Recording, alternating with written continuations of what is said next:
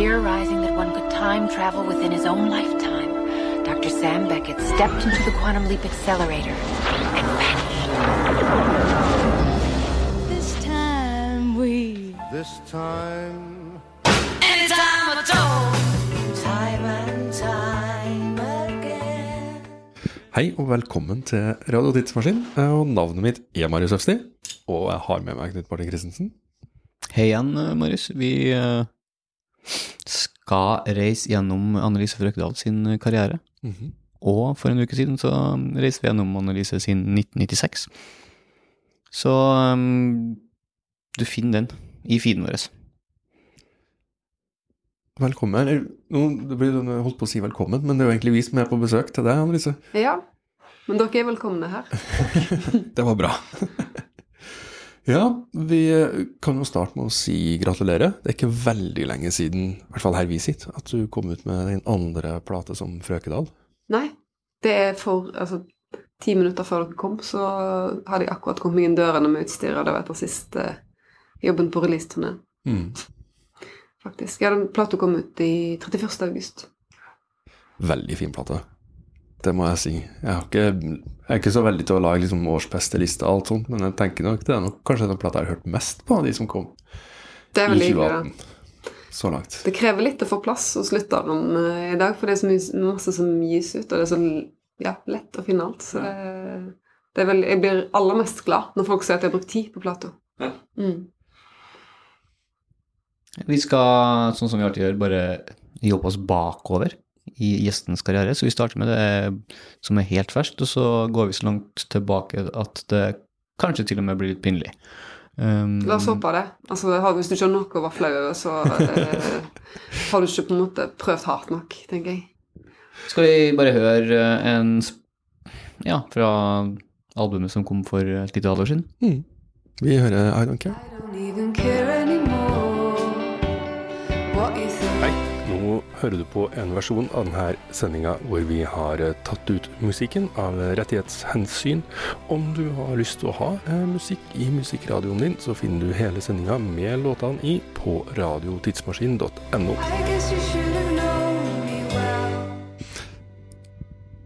Ja, jeg er som sagt veldig glad i, eh, i denne plata, og jeg har vel også særlig hybel her også, i tillegg til det, til blant annet den her. Det er masse fine tider, men eh, jeg ble sånn eh, Kanskje Knut Martin som har plukka låtene i denne delen? Jeg hadde ikke plukka denne låta her. Eh, Jeg hadde plukka David, egentlig, fordi den ble sluppet som singel sist, men så spilte av Marius et DJ-sett i går, hvis det går an å si på eh, radio på den måten her, hvor vi bare spilte triste låter. Og låter om uh, ja, alt, Det var alt mye kjærlighetssorg, men Ja. sånn, litt kreft og død og sult og nød. Da Forskjellige kom jeg på at jeg er veldig fan av album som starter med det. Ja, på. Så, ferdig. Kan vi gå videre? Ja, det er ganske sånn tydelig eh, statement. Jeg vet ikke, altså den, den, eh, den bruker ikke noe tid på å introdusere seg, den plata. Nei, det begynner jo rett på med vokalen. Så jeg tror kanskje ikke jeg tenkte så mye over det helt til jeg fikk spørsmål fra en eller annen engelsk journalist om, at, om det var en sånn pervers glede å begynne i plata med å si I don't even care anymore. Og det Um, Ja. Var det det? Jeg tror jeg bare tenkte at eh, At det, det var bra med en litt sånn rett fra levra-melding, litt sånn i starten. Og så, når en begynner der, så kan det jo stort sett Da kommer det i hvert fall ikke til å fortsette nedover. Nei. det- Derfra. Ja, det har skjedd det også i musikkhistorien, men uh, Hva Du har turnert ferdig i albumet, sier hun. Nå? Ja, vi har gjort 24 konserter etter plata kom ut, så for nå så er vi i hvert fall eh, er ferdig for året. Hva er horisonten for ny skive tre, da? Det nå spør du spør oh, ja. nå er jo tanken min å ta det litt, grann, litt grann med, med ro og få litt mer luft i kalenderen, sånn at jeg kan eh, jobbe litt med, med en del låtideer og, og sånt. Så eh, akkurat når uh, plate nummer tre kommer, det kan jeg nok ikke, men det blir ikke til neste år. Det tror jeg ikke. Nei. Jeg skal bruke, bruke litt tid på å lage plate nummer tre. Mm. Når jeg, når jeg har hørt en plate her, så føles det også som en sånn Jeg tenker at den første Frøkedalen-skiva var jo på mange måter et, et sånn distinkt skritt bort ifra en del av de tingene du har gjort før, I hvert fall sånn i lydbildet og sånne ting. Sånn her er på mange måter litt sånn tilbake igjen. Eh, kan du si det? Jeg kan Ja, si det. ja men jeg, jeg, jeg tror jeg forstår hva du mener. Eh, Den første plata er jo Den er litt mer eh, Den er kanskje enda mer folkprega og litt mer sånn gjennomgående melankolsk. Den har litt mer én temperatur og ett humør gjennom hele plata. Mens denne her er, er litt mer Sparker litt mer i alle, i alle retninger. Den rommer nok kanskje mer av hvordan jeg totalt sett som lytter er. Jeg hører på ganske masse forskjellig musikk. Det handler litt òg om at jeg at jeg jeg jo, kommer jo fra rocken, tross alt, sånn at eh, jeg kjente at jeg, jeg trenger litt jeg trenger plater med litt mer fart og litt mer energi. Så jeg satt faktisk og, og, satt og prøvde å liksom tenke hvor fort kan jeg egentlig spille denne sangen, for eksempel. Og jeg vet jo det er ikke helt crazy det som skjer på den plata til slutt, men bare for å komme meg litt opp av den der eh, midtempo, melankolske hengemyra som jeg var litt, eh, var litt i. Jeg er veldig happy med første plata. Jeg hadde bare ikke lyst til å lage den en gang til. Mm. Ja, det er sånn sett Det blir litt sånn tese-antitese i forhold til en del av tingene du har gjort før. Da. Så jeg tenker at den Frøkedal, den uh, nye skiva, er noe annerledes enn alt du har gjort før. Men samtidig som det liksom, det er veldig tydelig for meg å se elementer av alt du har gjort før, Ja. i den. da. Det er kanskje det jeg prøver å si.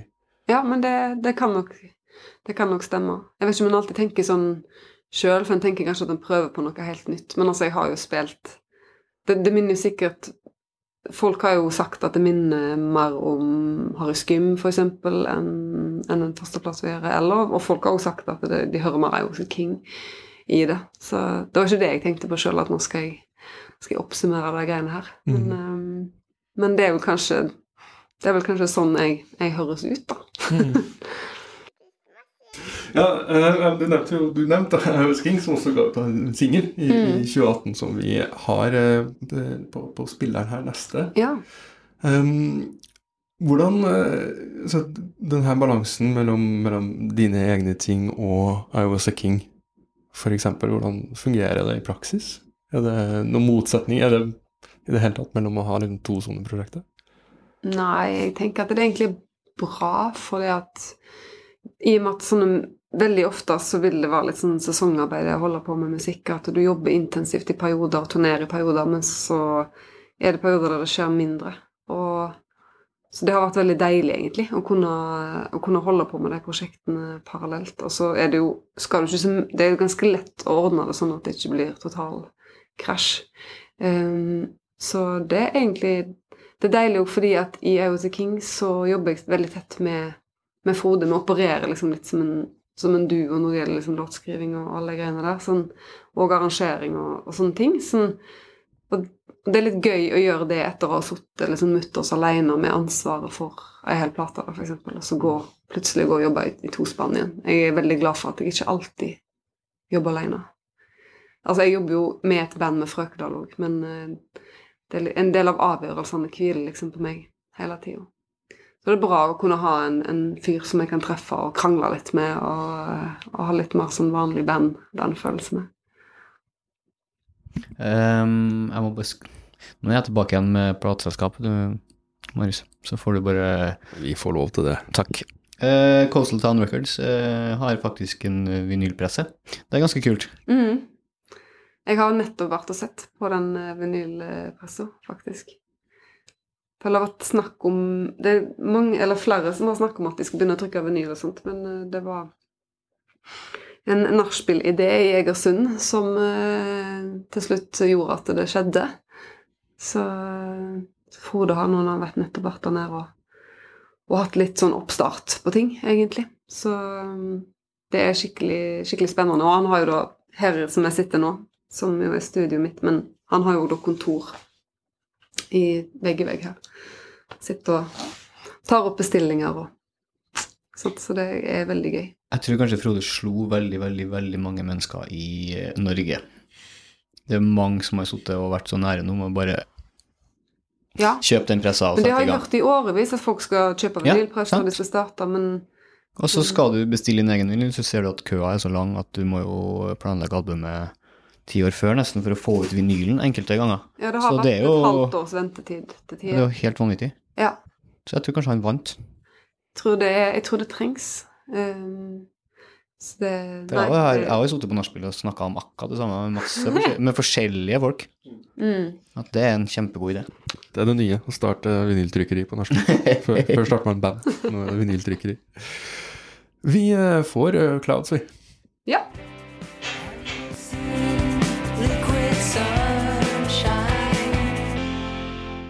Vi er fremdeles i 2018. Eh, vi skal hoppe til 2016, men før vi gjør det, så har det jo skjedd en del ting som vi ikke får plass til her i sendinga vår, for da hadde vi jo sittet i tre timer. Eh, Lady Hardanger Mm, Um, i år. ja. Og så var du med på det her såkalte Jeg mener ikke såkalte på den måten, det her superbandet No Ones. Og Ja, gjorde Eh, litt, i studio. ja. Mm. Det trodde du kanskje ikke i 1996 når du hørte på REM. Det har skjedd et par ting i, eh, opp igjennom i livet der eh, virkeligheten har overgått fantasien. Det, det er jo litt gøy. At det kan være sånn av og til. Um, du har også vært med og sunget litt med Sweden. Nå er vi fem- Jeg tror kanskje dere har bedre oversikt enn meg, må jeg Ja, ja. Men ja, men for det følger spørsmålet her. Mm. Filtrerer du henvendelser, eller skjer det tilfeldig, eller sånne gjesteopptredener? Helt tilfeldig. Håper ikke jeg eh, gjør det. Jeg Jeg filtrerer jo. Og jeg blir nok kanskje mindre og mindre glad i sånn gjestevokalting. Eh, fordi at hvis jeg kan komme innom og legge ei reke på gitar, liksom, så jeg har ikke det så masse med Men, men det føles ganske personlig, det der med å synge. Eh, så jeg sier eh, med jevne mellomrom i hvert fall nei til, til forskjellige typer eh, samarbeid. Men så er det jo at ofte er det ikke gjennomførbart, fordi i hvert fall sånn som det siste året har jeg reist veldig masse, ikke vært så masse har ikke hatt så masse tid til å gjøre sånne ting. Og så innimellom så kommer jo ting ut samtidig, selv om du har liksom jobba med det på helt forskjellige tidspunkt, og sånn, så sitter ikke jeg nødvendigvis og vet akkurat når disse forskjellige tingene skal skje. Så kan det se ut som man er litt sånn all over the place samtidig, mens i realiteten så har dette foregått over tre år, eller hva som helst. Så. Men ja, jeg filtrerer. Ja, for den låta vi tok ut rett før vi kom hit, eh, med, med litt sånn Det var, det var vondt. Det var uh, Loch Ness Mouth. Um, hva heter den låta? Den heter Warm Circuitry. For ei låt. Som vi må ta bort, for vi Dere må ta den Det er jo altså, Det er jo- mener, det er ikke ofte folk tar kontakt og spør om jeg vil spille gitarsolo. Det var jo det de gjorde. Og så ble det en slags hybrid av en uh, gitarsolo og når man spiller noe vi er. Men uh, det var en forespørsel jeg satte veldig stor pris på. På alle måter. En god låt. Og så tok dere den ut. Ja, vi tok den ut. Vi hadde, hadde for mange ting til slutt. Vi hadde veldig lyst på en unnskyldning for å spille Loch Ness Mouse også. Det er et Ja. utrolig fint band, det, det får vi si. Men, eh, men eh, det fins jo der ute for den som hører på og har lyst til å, Ja. å høre på. Det kan finnes. Eh, For vi skal jo komme oss da til eh, første Frøkedal-plata di. ja. Eh, hvorfor si, hva, Man må jo spørre når man liksom har, artister har drevet og spilt i alle mulige band med alle mulige bandnavn og alt sånt, når man velger å liksom sette sitt eget navn på, på noe, og ikke, ikke noe annet. Hva er, hvorfor det? Hvordan føles det? Først og fremst eh, så er nok årsaken at jeg er kjempedårlig til å finne på bandnavn. Um, Det er fordi det er tomt. Det, er, det, det ser jo av og til ut som at alle er brukt opp, ja. Eh, og så slo det meg at jeg hadde et, eh, et navn som veldig mange syntes var gøy å si. Det var mange som kalte meg Frøkedal, bare fordi jeg jeg syntes det hørtes morsomt ut. eller et eller annet. Så jeg tenkte at ja, ja, men hvis det er et ord folk liker å si, så, så, kan, det kanskje, så kan det kanskje funke.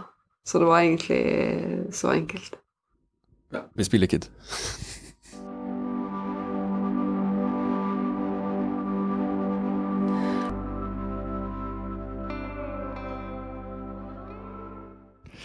Fra, fra Hold On Dreamer fra 2016, altså. Første, første eh, plata under Frøkedal. Jeg tror nok jeg er skyldig i akkurat det der, at, at jeg liker å si Frøkedal. Ja. Ja, ser du? Det er min favoritt um, Frøkedal-sang. ja, Um, ja, hvorfor det? jeg vet ikke. Kanskje fordi jeg liker å vise barn videoen. Jeg blir så utrolig glad. Kanskje det er fordi den har sånn At du er glad i sånn programmerte rytmer og sånn? Det kan jo Det har jo det. Det andre blir for organisk for deg, kanskje? Var det um, Altså var, jeg, skulle, jeg skulle å si var du nervøs, det er ikke det jeg skulle spørre om, men uh, det er jo likevel soloskiva. Ja. Det er den første Det kan ha vært en forsvarsmekanisme, men jeg var helt utrolig rolig når jeg ga ut den plata der.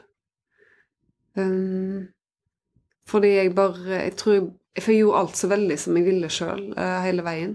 Uh, og det, jeg hadde jo alltid Altså, det er fantastisk å ha vært med i Skum og spille Was King og alle tingene der, men en del av de tingene en ender opp med å gjøre, blir jo ofte et kompromiss, eller at en blir enige om ok, men sånn oss imellom så er dette den beste løsninga.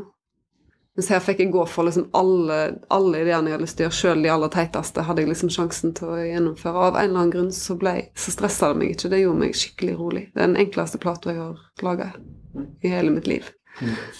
Og jeg var heller ikke Det var sånn at samboeren min nesten kjefta på meg fordi jeg liksom ikke gidder å se etter anmeldelser eller noen ting. For jeg var helt sånn Det kan ha vært en Jeg kan ikke garantere at det ikke var en forsvarsmekanisme, men Gjør du det? jeg fulgte liksom ikke skikkelig med når den var kommet ut og anmeldelsene begynte å komme. Men gjør du det normalt? Leser du anmeldelsene? Ja, ofte så gjør, gjør jeg det. Det kan være liksom blanda, blanda fornøyelse, det, altså. For jeg blir ofte sur sjøl om de er positive. Hvis jeg ikke er enig i det de skriver, Ja.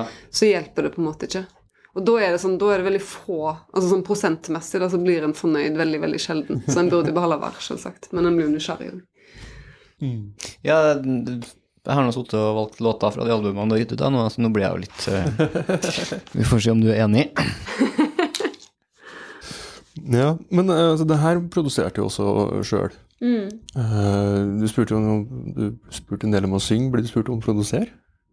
Jeg har produsert et par ganger for andre, men jeg har ikke blitt spurt så veldig masse om, om produksjonsarbeid, nei. Jeg har blitt spurt og sagt nei òg, altså. Eh, Jeg tenker at jeg er sånn veldig glad i å jobbe med musikk, og så tenker jeg at hvis jeg skal produsere noe, så må det være noe som jeg har forutsetning for å gjøre noe skikkelig bra med. Så jeg føler det er et ganske smalt eh, utvalg som jeg egentlig kunne produsert. Men jeg har gjort eh, Jeg har produsert to plater.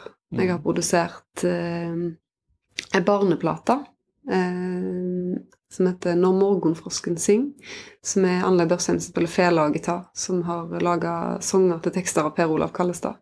Det er faktisk en veldig fin plate. Eh, Anlaug minner meg litt om Varsti Bunjan, jeg hørte henne synge. Og det er, ganske, det er veldig folky, det hun gjør, eh, og mye norsk folkemusikk i det. Så det var veldig gøy å, å jobbe med det. Og så har jeg òg produsert ei plate av et band som heter Albert og Elise. Som uh, står, lag, lagde norske gjendiktinger eh, av Hola Bandola Band. Um, det er veldig politisk plate. Dette er jo folk som er Det er ikke nære venner av meg, men det er liksom, de er i den utvida bekjentskapskretsen, så det er klart at de har jo visst mer enn folk flest om at jeg òg produserer ting. Men, eh, men nei, det, det har ikke Men jeg merker jo det at jeg er nok for mye musiker til å kunne drive så stort som produsent, fordi jeg tror jeg hadde minst like mange søvnløse netter og liksom bare ga like masse av meg sjøl som om det var min egen plate jeg, eh, jeg produserte. produserte. Så jeg har ikke noen grenser. Jeg har ikke lært meg å sette grenser mellom mitt og andres og sånn eh, ennå. Så jeg hadde nok blitt helt utbrent hvis jeg skulle produsert veldig masse for folk.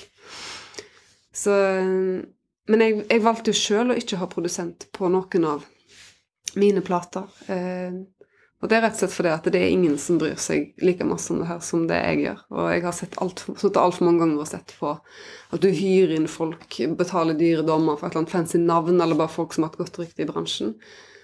Og så gjør de det liksom litt med venstre hånd, eller du føler at det, det er liksom ikke helt de har, de har et liv og en karriere som de driver og pleier, og sånn. Så du får ikke den plassen, eller Plato, de får ikke den plassen den burde ha.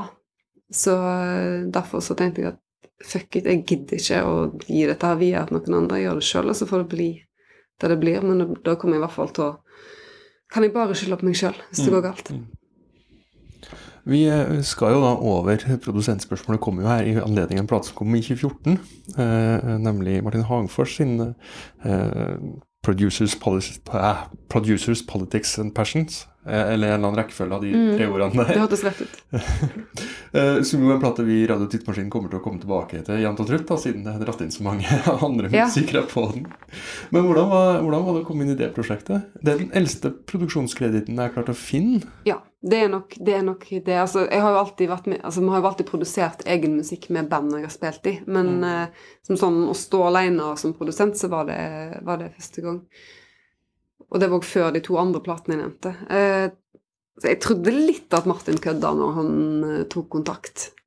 Um, men eh, jeg skjønte jo plutselig at jeg har jo faktisk produsert litt ting. Jeg har bare ikke tenkt på det som at jeg har vært produsent. Um, så det var Det var skrekkblanda fryd, altså. Virkelig.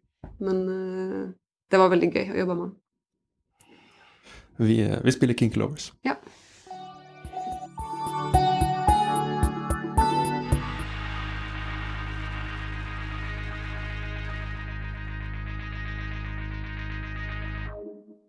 Og da har vi kommet til 2010 og til Harris Jim og What Was uh, No Hero fra What, Was Ours Can't Be Yours. Siste album, men det kom en singel uh, i 2012 også, hvis jeg ikke tar helt feil. Det kan godt være. Jeg må innrømme at jeg har ikke helt oversikten der heller. Men ga vel ut uh, Horses, en singel til Horses. Ja. Vi spilte faktisk inn uh, tredje plata. Mm. Men så Altså, den var ikke ferdig miksa og sånn, men, men den var ferdig innspilt. Så ligger en åtte-ni låter her, en plass i en kjeller eh, En eller annen hvelv en eller annen plass i Oslo, Ja. så ligger det ei Harry Skim-plate til. Det, skal Det syns jeg er interessante ting. Eh, ja, enn så lenge i hvert fall. Eh, satt litt med følelsen at når den var ferdig, at vi visste, eller jeg i hvert fall var ikke helt overbevist om at verden trengte akkurat den plata. Eh, og om vi trengte den. Så da valgte vi vel å gå i oppløsning i stedet for. Mm. Men slipp singel, da. Singel kom ut før vi kom så langt. Ja. Mm. Ja. eh, Vi var jo veldig glad i Harris Jim, det må vi jo få lov til å si. Vi var jo det. Så vi er jo litt sånn Ja. Sjøl om jeg er veldig glad i alt Frøkedal har gjort etterpå også. Og på mange måter så føles det jo som om, som om et eller annet altså Som den tydelige tråd i alt vi har spilt her i dag. Så det er ikke sånn, sånn at, det, at det egentlig føles som om ting tok slutt, på en måte. Men eh, jeg vet ikke hvordan du føler det nå. Det begynner å bli noen år siden av det her. Mm. Eh, jeg er veldig glad for Altså, Harry Skim var på en måte det bandet jeg ble musiker i, på et eller annet vis. Altså, så jeg er veldig glad for de årene vi hadde. Vi ble liksom voksne i lag, rett og slett. Eh, men, så jeg er veldig takknemlig for de årene der. Eh, og jeg treffer, innimellom så treffer jeg fremdeles på folk som liksom Jeg tenk, tenker kanskje at for de som virkelig elsker Harry Skim, så har det kanskje ikke vært Jeg føler at de som, at de som er mest glad i soloprosjektet mitt, er kanskje ikke de som var digger Harry Skim.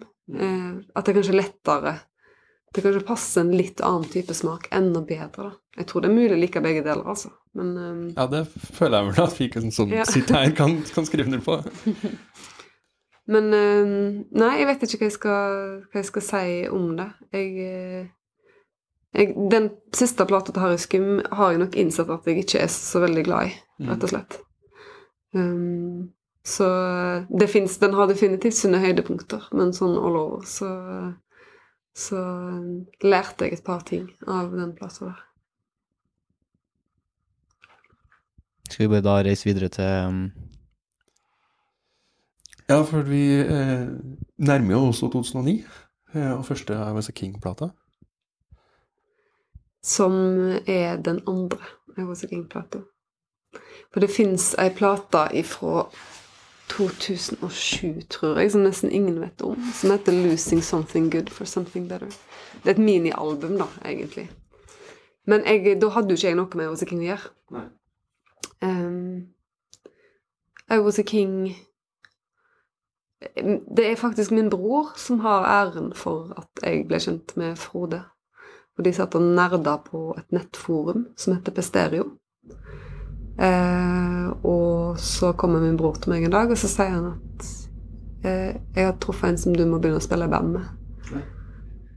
Det har han aldri sagt. Det har vært veldig slitsomt hvis han kommer med sånne forslag hele tida, men det har han aldri sagt, verken før eller siden. Ehm, så jeg dro på John D. Da hadde Frode vært ute på turné med jeg tror det var Great Lakes. Han hadde sånn uh, backingband. Og spilte da musikk ifra denne her 'Losing Something Good for Something Better'-plata.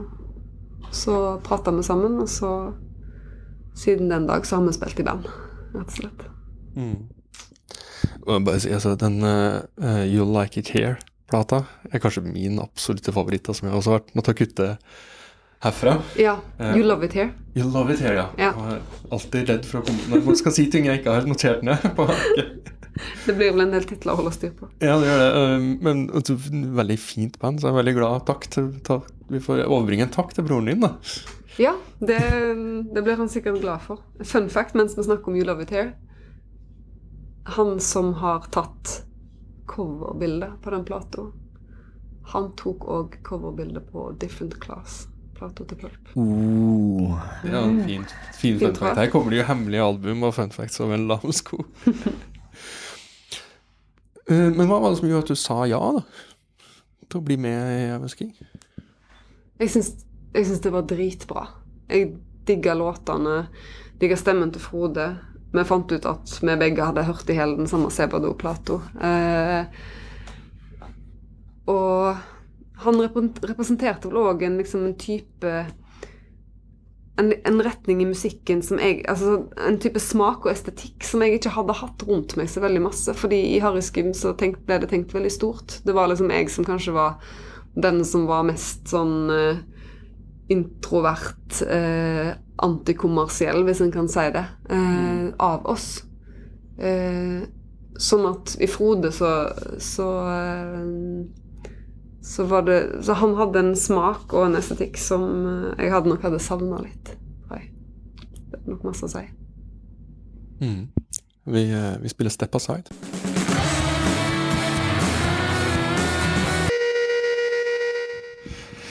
Og da var vi i 2009, nærmere bestemt uh, Slottsfjellfestivalen, hvor eh, Heroes and Zeros og Harry Stream spiller Attic.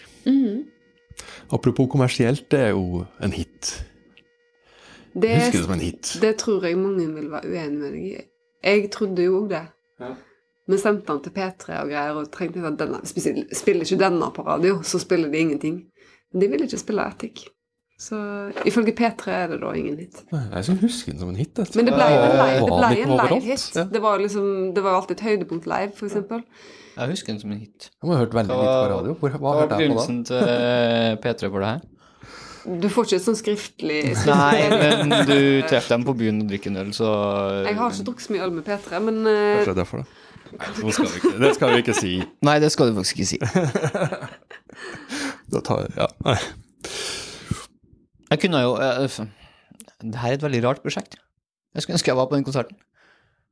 hva? Hvem hvem var det som ja, kom- du hvem- tenker at det var Heroes and Zeros og Harry Skim sammen er Hvor kom det fra? Var det, var Du, det, det lurer jeg på om kom fra, Henning på fra festivalen, altså. Ja.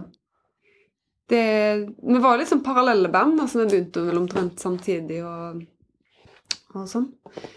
Men eh, det jeg husker som skjedde i praksis, var i hvert fall at dette her var det ingen som tok tak i før det begynte å nærme seg Slottsfjellet noe voldsomt. Eh, men de Heroes and Zeros-gutta er veldig ryddige typer, så vi hadde flaks med dem, altså. For de hadde liksom lært seg ting, og, og det gikk veldig kjapt når vi først, eh, først møttes, så var det veldig gøy. Så det Jeg tenkte vel litt at det kom til å føles veldig stressende eh, og usikkert å gjøre, å gjøre den greia, men eh, det ble faktisk eh, veldig gøy. Så det, det tror ikke alle sånne tilfeldige samarbeidsting alltid blir. Så vi, vi hadde nok litt flaks. Skulle det være Dolbro? Nei. Nei. Nei. Men vi tok den opp allikevel. Bare for å ha dokumentert det, tror jeg. Men jeg husker jeg var på en uh, konsert på Blast med, med Harris Stream og I Was a King. Og vi snakka om det her. Vi tror det var bygd inn. Ja, det var bygd inn. Ja. Uh, så, altså Dere hadde vært på turné sammen, og Ja. så liksom, da husker at jeg spurte Bjarne på, på liksom, bare om liksom når dere skulle spille og et eller annet sånt, da, hva som var rekkefølgen. Så, nei, nei, vi skal spille samtidig. alle sammen. Så det Ja, sto det- alle tre banda på scenen hele kvelden og spilte på hverandres ting. Ja. I varierende var grad. noen, men- ja, noen tok vel av og til litt grann pause, liksom. Eh, eller så kunne det blitt litt tett, kanskje, noen av de sangene. Men ja, og det, var, det gjorde vi bare den ene gangen på turneen. Jeg vet ikke hva som eh, hvordan det skjedde, men vi hadde vært ute en stund og reist i buss og spilt eh, trippelkonserter, egentlig. Eh, så bare fant vi ut at shit, nå er det siste gang. Nå bare, bare står vi opp alle sammen, så ser vi hva som skjer. Det gikk faktisk an før i tida det var med buss og spilt trippelkonserter rundt omkring i Norge. Hva skjedde? Hva skjedde?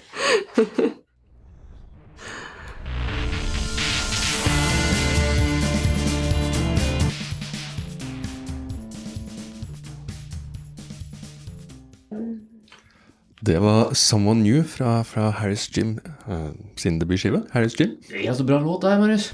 Den er veldig, veldig fin. Uh, noen av oss hadde jo vært uh, fans av det bandet som ble til Harris Jim en god stund allerede, når denne plata kom. Eh, jeg slo, meg, jeg tror kanskje sånn rent utover liksom, folk dere kjent godt, så tror jeg kanskje jeg kan hevde å være Harris Jim, eller da, da Red Cut, Dharmas første fan.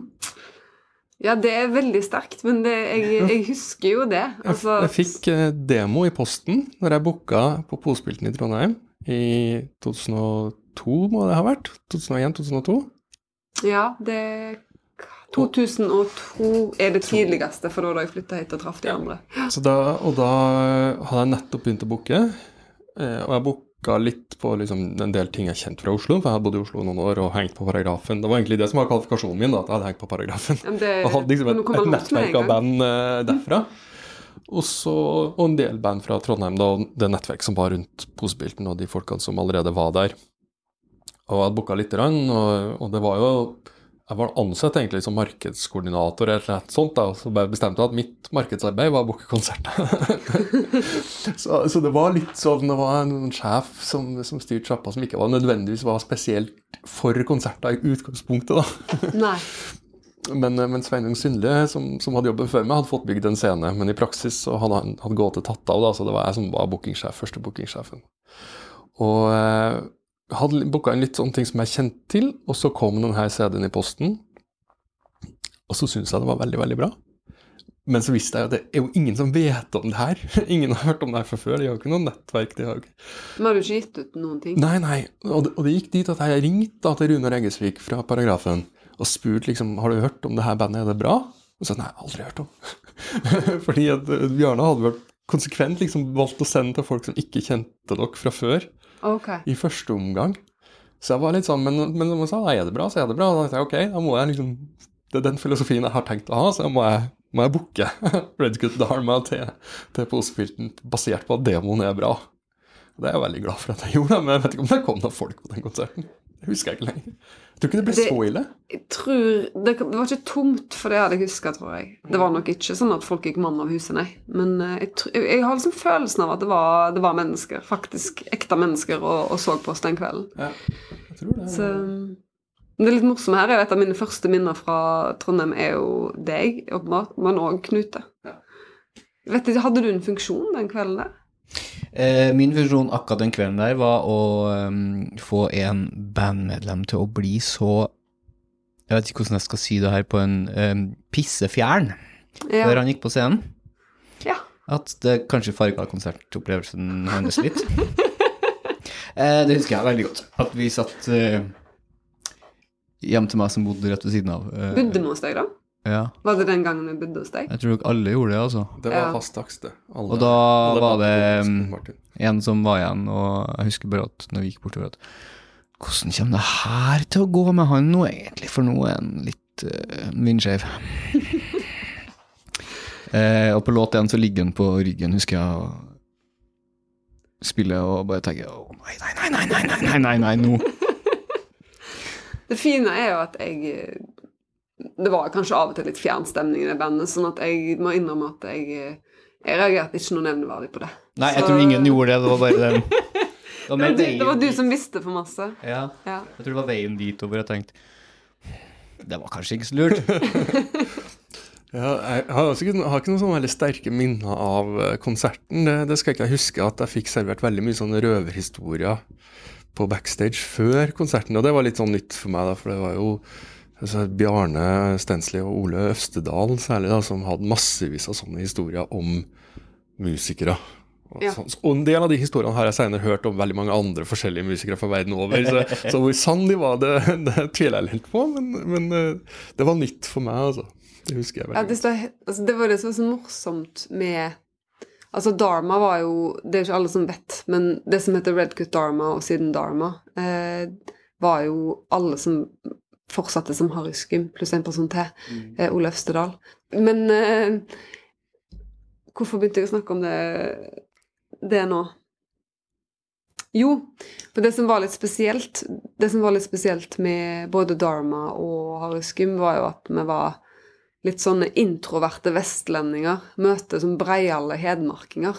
Mm. Eh, Så det var en Det var Det var litt spesielt, eh, rett og slett. Og det der med ja, sånn som Bjarne og Ole, spesielt Bjarne kanskje, som er enormt god, er glassgrønne. Jeg fikk jo kjeft når jeg fortalte, prøvde å fortelle en historie om noe som hadde skjedd, fordi jeg, var, jeg løy jo ingenting, og det var altfor kjedelig å høre på. Så jeg, jeg liksom jeg skjønte etter hvert at alt jeg tar i av historier, det ødelegger jeg. Så jeg skal bare, jeg skal bare la den mannen snakke, og så kan jeg synge og, og spille gitar.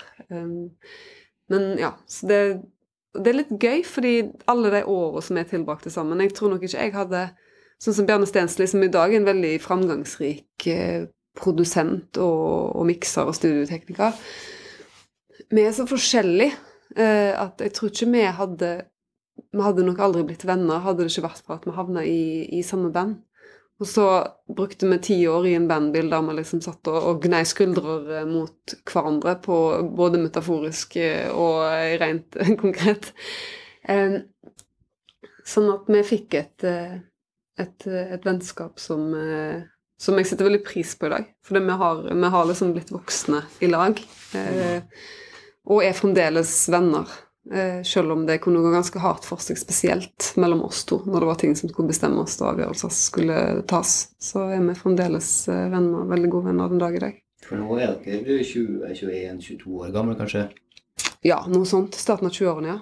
Og det var jo eh, Det var veldig Bare jeg som lurer Så det sånn Det var jo en hype. Det var jo en greie. Det var jo Det var mye Harris Gym, da. Først. Ja, Harry Gym var nok Det det, bandet som fikk den største hypen. Eh, ja, vi var jo et av de bandene som typisk i hermetegn vant Bylarm eh, et år. Og ja, I Trondheim, faktisk. ja. ja, jeg tror det var et Oslo-bylarm det var, men altså hvem som vinner Bylarm, er jo en veldig Nei, nei. subjektiv eh, Nei, men det var Det Men så ut som det på en måte Det eskalerte. mm.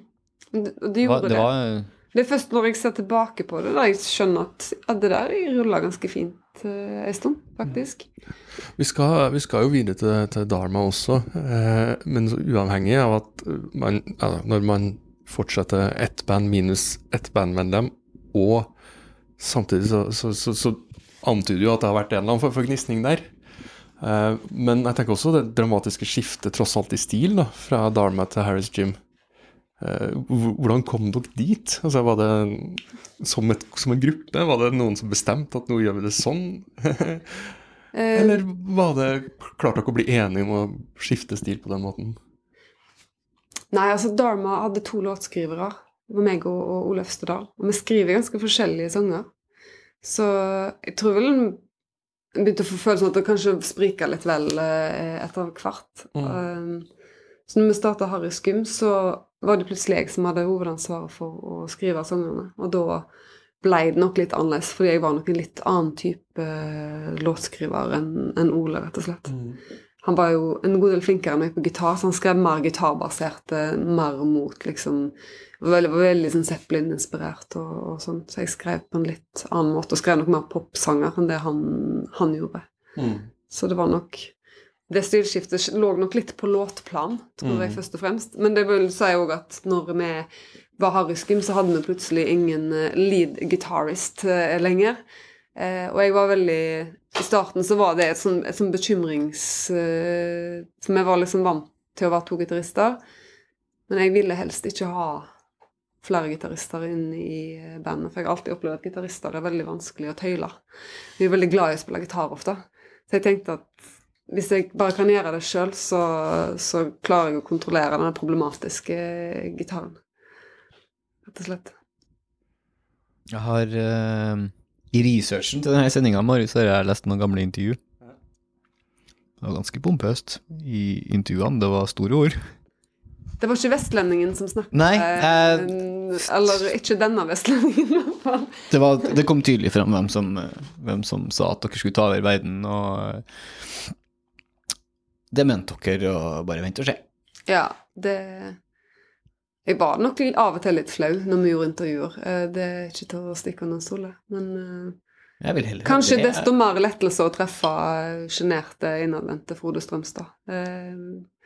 At det Ja, det var mye store ord. Og vi var sånn og med, både med Dharma og, og Hariski. Vi hadde liksom all, Alt utstyret vårt var liksom fleita eh, nesten fra dag én, og det var liksom spraylakkert. liksom logo, altså det er litt sånn Sånn som store produksjoner Ja. som, altså, De gjør DumDum Boys fordi de har 150 kasser med seg når de er på tur, så de må ha, de må ha logoen på. Det gjorde vi helt fra starten av. Uh, Jeg liker det. så det Jeg liker både pompøse intervjuene og, og den her eh, Det, absolutt, det har absolutt sin funksjon, og jeg òg kan nyte av å se en, en eller annen snørrhoven artist eh, i et intervju. Ja, spesielt når du er 20. Det, det skal være litt sånn. Det er fint. Skal kanskje være litt sånn. Det var vel mer at det føltes aldri som det hadde noe særlig med meg og min innstilling til verden og musikk eh, å, å gjøre. Så akkurat den biten ble jo liksom enklere med tida, da, når en fikk definere prosjektene litt mer, eh, litt mer sjøl. Vi eh, er straks eh, på starten, eh, men vi har jo et spørsmål til til deg. Du skal jo få lov til å låne tidsmaskinen en gang til. Ja. Og så skal du få lov til å reise rundt og sette sammen et band. Som om det første spørsmålet ikke var vanskelig nok, på en måte. Så det er i hvert fall veldig mange som syns det her bandspørsmålet er grusomt. Ja. Hvis du kan få velge mellom alle musikere gjennom alle tidene og sette dem sammen i et band, så er det jo altfor stort. Dere burde kanskje lage, begynne å lage litt sånn temavarianter av det spørsmålet, sånn at en har litt begren inn, nok- innebygde begrensninger. Ja, det er en del av gjestene som, som lager seg sine begrensninger, da. Ja. Det er det. Og det, det støtter vi om. Jeg tror nok at det får, det får bli neste gang, da, når, når om en 20 års tid til, Ja. når vi lager en ny sending med deg og, og, reise tilbake, så får du eventuelt finne på noen begrensninger. Ja. Nei, men jeg har, jeg har laget et slags band. For jeg fant ut at du har, når du har alle muligheter til sånn Ja, hva hvis uh, Jimmy Henrik spiller gitar? Altså, det blir så mange sånne absurde tanker. Men hvis, du må tenke at du vil starte et band som blir bra, og aller helst kanskje et band som kan spille musikk sånn som jeg vil lage musikk, da, når du først er den som har lov til å, å ta alle disse valgene. Så jeg har ikke nødvendigvis valgt bare de største navnene. Um, men det fins et svensk instrumentalband som heter Sagor og Sving. Ehm, de er ikke veldig kjente. Jeg husker en- ikke en- engang navnet på de som spiller i, i bandet. Det er derfor jeg har en liten jukselapp akkurat nå. Uh, Erik Malmberg og Ulf Møller har dette bandet. De spiller en slags folkjazz. Det er inspirert av svensk folkemusikk, men òg av altså, Bo Hansson, som en sånn orgellegende fra Sverige. Um, så det er instrumentalt. Det er utrolig vakker musikk. Og jeg tenker hvis de to Hvis vi kunne hatt base i de to på, på da litt sånn uh, lette jazztrommer og, og Hammond-orgel, eller hvilket som helst orgel, egentlig, så, så tenker jeg at det, det er veldig masse jeg liker med akkurat det, det oppsettet der.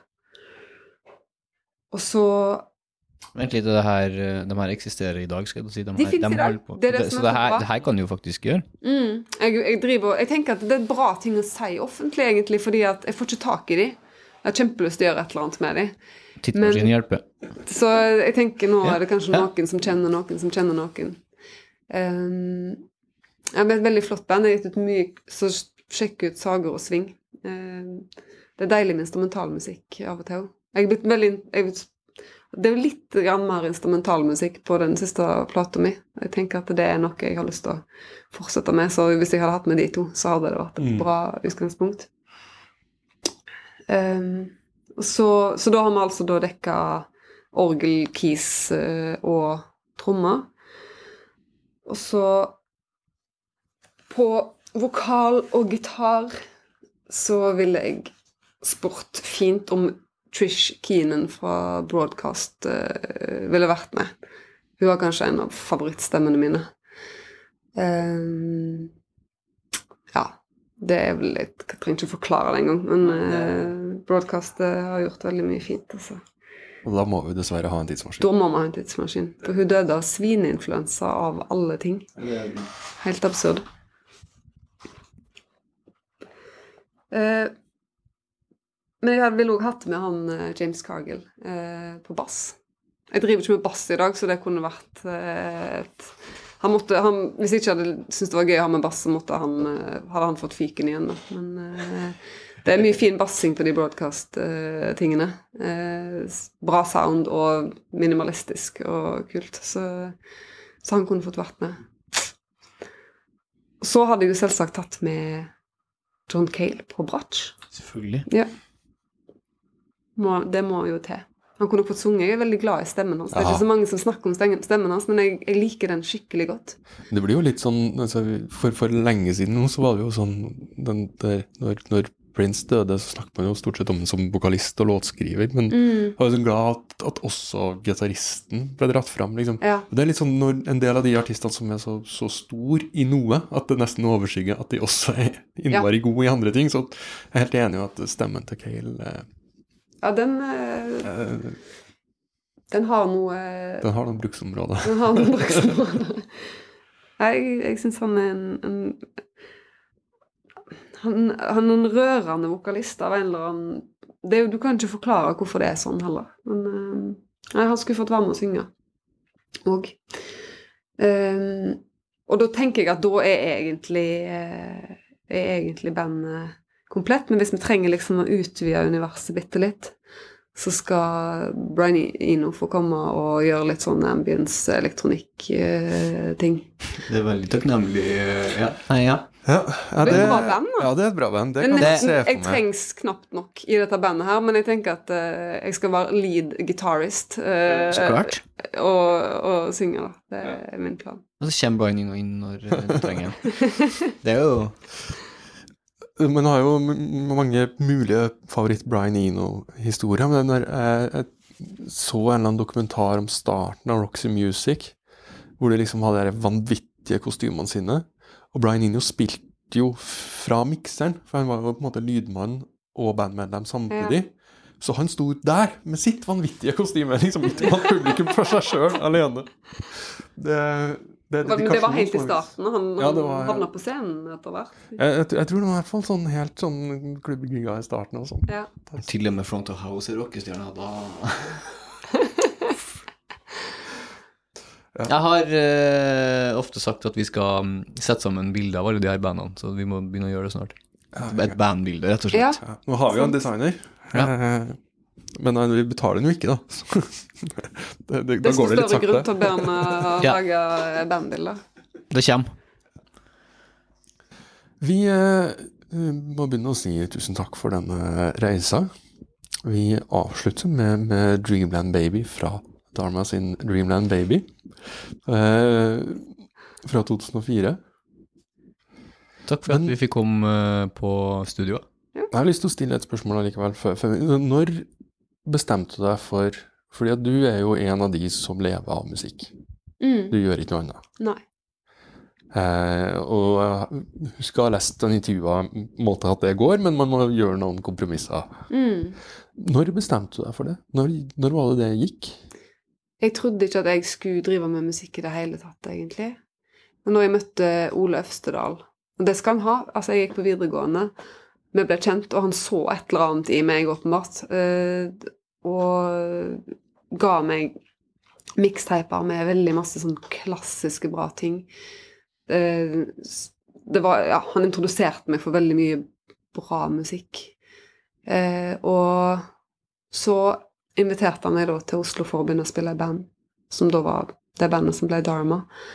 Um, før det så hadde ikke jeg hatt noen tanke om at jeg skulle bli Jeg trodde ikke jeg jeg trodde ikke jeg hadde på en måte det som trengtes, egentlig. Ehm, men eh, så satt jeg på lesesalen i Bergen, og så klarte jeg ikke å konsentrere meg om noen ting. Det eneste jeg ville gjøre, var å spille musikk. Så etter hvert så takka jeg ja til invitasjonen fra Ole. Og så flytta jeg til Oslo med Haukeli-ekspressen og hadde alle tingene mine i to banankasser. Eh, og endte opp på Nordstrand, for jeg trodde det var Oslo sentrum. Så, mm, så ja. Nei, jeg, det, det, tok nok litt tid. Og det der med at jeg skulle gjøre musikk på fulltid, det trodde jeg vel aldri helt på. Men så var det faktisk han eh, Olav Christer Rossebø, populært kalt Laffen, som spiller i Familien nå. Jeg bare traff han en dag eh, med gamle venner, og så, så var jeg liksom Jeg tenkte på om jeg skulle slutte jobben eller ikke, og, sånt, og så sa han liksom bare, bare gjør det, bare slutt. Det, det, kommer til å det kommer til å ordne seg. Du kommer til å være litt stressa av og til, men så venner du deg til at det er stress, at du ikke vet hvor pengene kommer fra. Så, så, det var faktisk han som på en måte ga meg det lille skyvet jeg trengte til å bare ja, Hvis jeg ikke slutter å jobbe, så Jeg trenger å bruke mer tid på musikken enn jeg gjør, og da må jeg slutte å jobbe. Mm. Da må jeg si farvel til fastlønn. så Og det vel, det er vel sju år siden nå, tror jeg. Faktisk.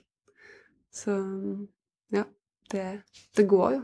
Mm. Enn så lenge, i hvert fall. Vi håper det går lenge tross alt. Vi har jo, vært, vi har jo diskutert det her før. liksom med, med Fast jobb er det nye indie, har vi spøka med. Der er i hvert fall en del musikere som, som kommer tilbake igjen etter å ha liksom, si, gitt opp den første runden med, med karriere og begynne å jobbe, og mm. så liksom fortsatt har behov eller trenger å gjøre noe, og da kan gjøre noe som på en måte ikke trenger å tjene penger. Men ja. samtidig så er det jo helt grusomt fra, fra et musikkfanperspektiv at, at det ikke skal gå an å leve av det. Nei. Nei, det er, det er alltid en sånn hårfin balanse. For hvis en, hvis en bruker for masse energi på å bekymre seg for det økonomiske, f.eks., så blir det kanskje til slutt ikke så bra for deg å jobbe med musikk heller.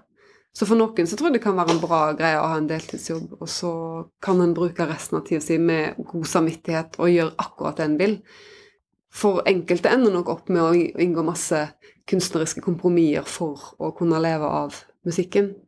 Du kommer ikke til å se meg på et TV-reality-musikkprogram med det første, f.eks. Og det er jo en veldig bra move å gjøre hvis en vil ha litt fart i, i karrieren sin. Men det ligger ikke for meg. Jeg blir altfor flau av alt mulig, så jeg, jeg, tåler nesten ikke å se sånne ting på TV engang. Nei, men det er jo piss i buksa for å holde seg varm også, da. Så det er jo en kortvarig Ja, kanskje det, For noen personligheter så tenker jeg at det faller seg liksom litt ja, mer naturlig. Uh, men det gjør det ikke for meg. Så, så jeg, jeg, tenker at det er ikke noen Det å liksom kutte alle bånd til arbeidslivet og liksom kaste seg ut i det, er ikke nødvendigvis løsningen for alle. Men hvis du er komfortabel med å ha en, en litt sånn enkel livsstil, og det er ikke noe verre enn at du kanskje ikke kjøper det dyreste designmøbelet når du skal ha en ny stol. Så, så kanskje, det, kanskje, det, funker for, funker for deg òg, liksom. Men uh, jeg, jeg, tror i hvert fall ikke at jeg hadde vært mer glad hvis jeg tjente 500 000 mer i året enn det jeg gjør nå. Mm. mm. Vi skal sørge for uh, regjeringsskifte, og vi skal sørge for at uh, dem som er i Spotify, begynner å betale uh, de artistene vi faktisk streamer, og ikke bare dem som streames mest. Ja, det er bra at dere ordner opp i det her greiene. Ja, ja, ja. vi, vi tar oppgaven. Ja, vi, vi gjør det. Um, tusen, tusen takk for, for selskapet. Veldig hyggelig å ha dere her. Mm. Vi, vi runder som sagt av med, med Dreamland Baby.